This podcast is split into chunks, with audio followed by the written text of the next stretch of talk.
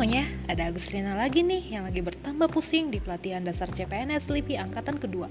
Saya mengucapkan terima kasih kepada pembicara yang sudah sukses bikin kepala saya semakin pusing dan tentunya semakin cinta Indonesia, Bapak Alfa Fadilah dan Bapak Tohirin Hasan atas paparannya mengenai isu-isu kontemporer. Yang saya baca di buku modul nih, isu kontemporer itu merupakan permasalahan yang sedang hangat diperbincangkan. Saya mengutip satu kalimat menarik hari ini bagaimana jadinya ketika mesin mengerjakan segalanya. Dan yang akan saya bahas adalah tentang head speech. Saya jadi teringat pekerjaan saya sebelum diterima di LIPI. Saya bekerja di negara yang mengandalkan robotik sistem dalam semua aspek kehidupannya dan memandang remeh akan kemampuan seorang wanita dalam bekerja. Yups, Jepang. Hari pertama bekerja, saya benar-benar dipandang rendah oleh semua rekan kerja saya. Selain menjadi satu-satunya wanita yang ada di shift pagi, saya juga menjadi satu-satunya orang Indonesia yang ada di sana. Bahkan, ada yang terang-terangan mengatakan, perempuan asing bisa apa? Buat apa sih perempuan bekerja di sini?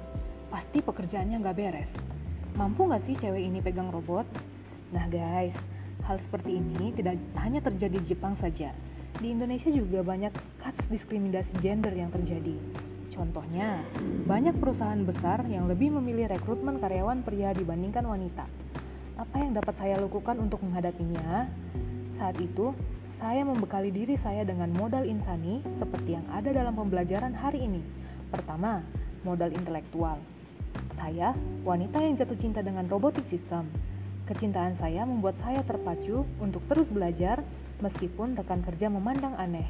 Prinsip saya sih cuma satu, robot itu buatan manusia. Udah seharusnya manusia yang mengoperasikannya.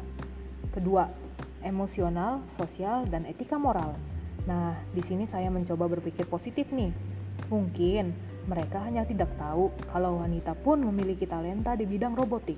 Dan juga saya mencoba membangun komunikasi yang baik, menggunakan bahasa yang sopan dan santun, menawarkan bantuan jika saya sedang senggang, dan tersenyum ketika ada ujaran kebencian. Lama-lama, mereka bosan sendiri kok. Terakhir, ada ketabahan dan kesehatan. Biarin aja deh mereka mau ngomong apa.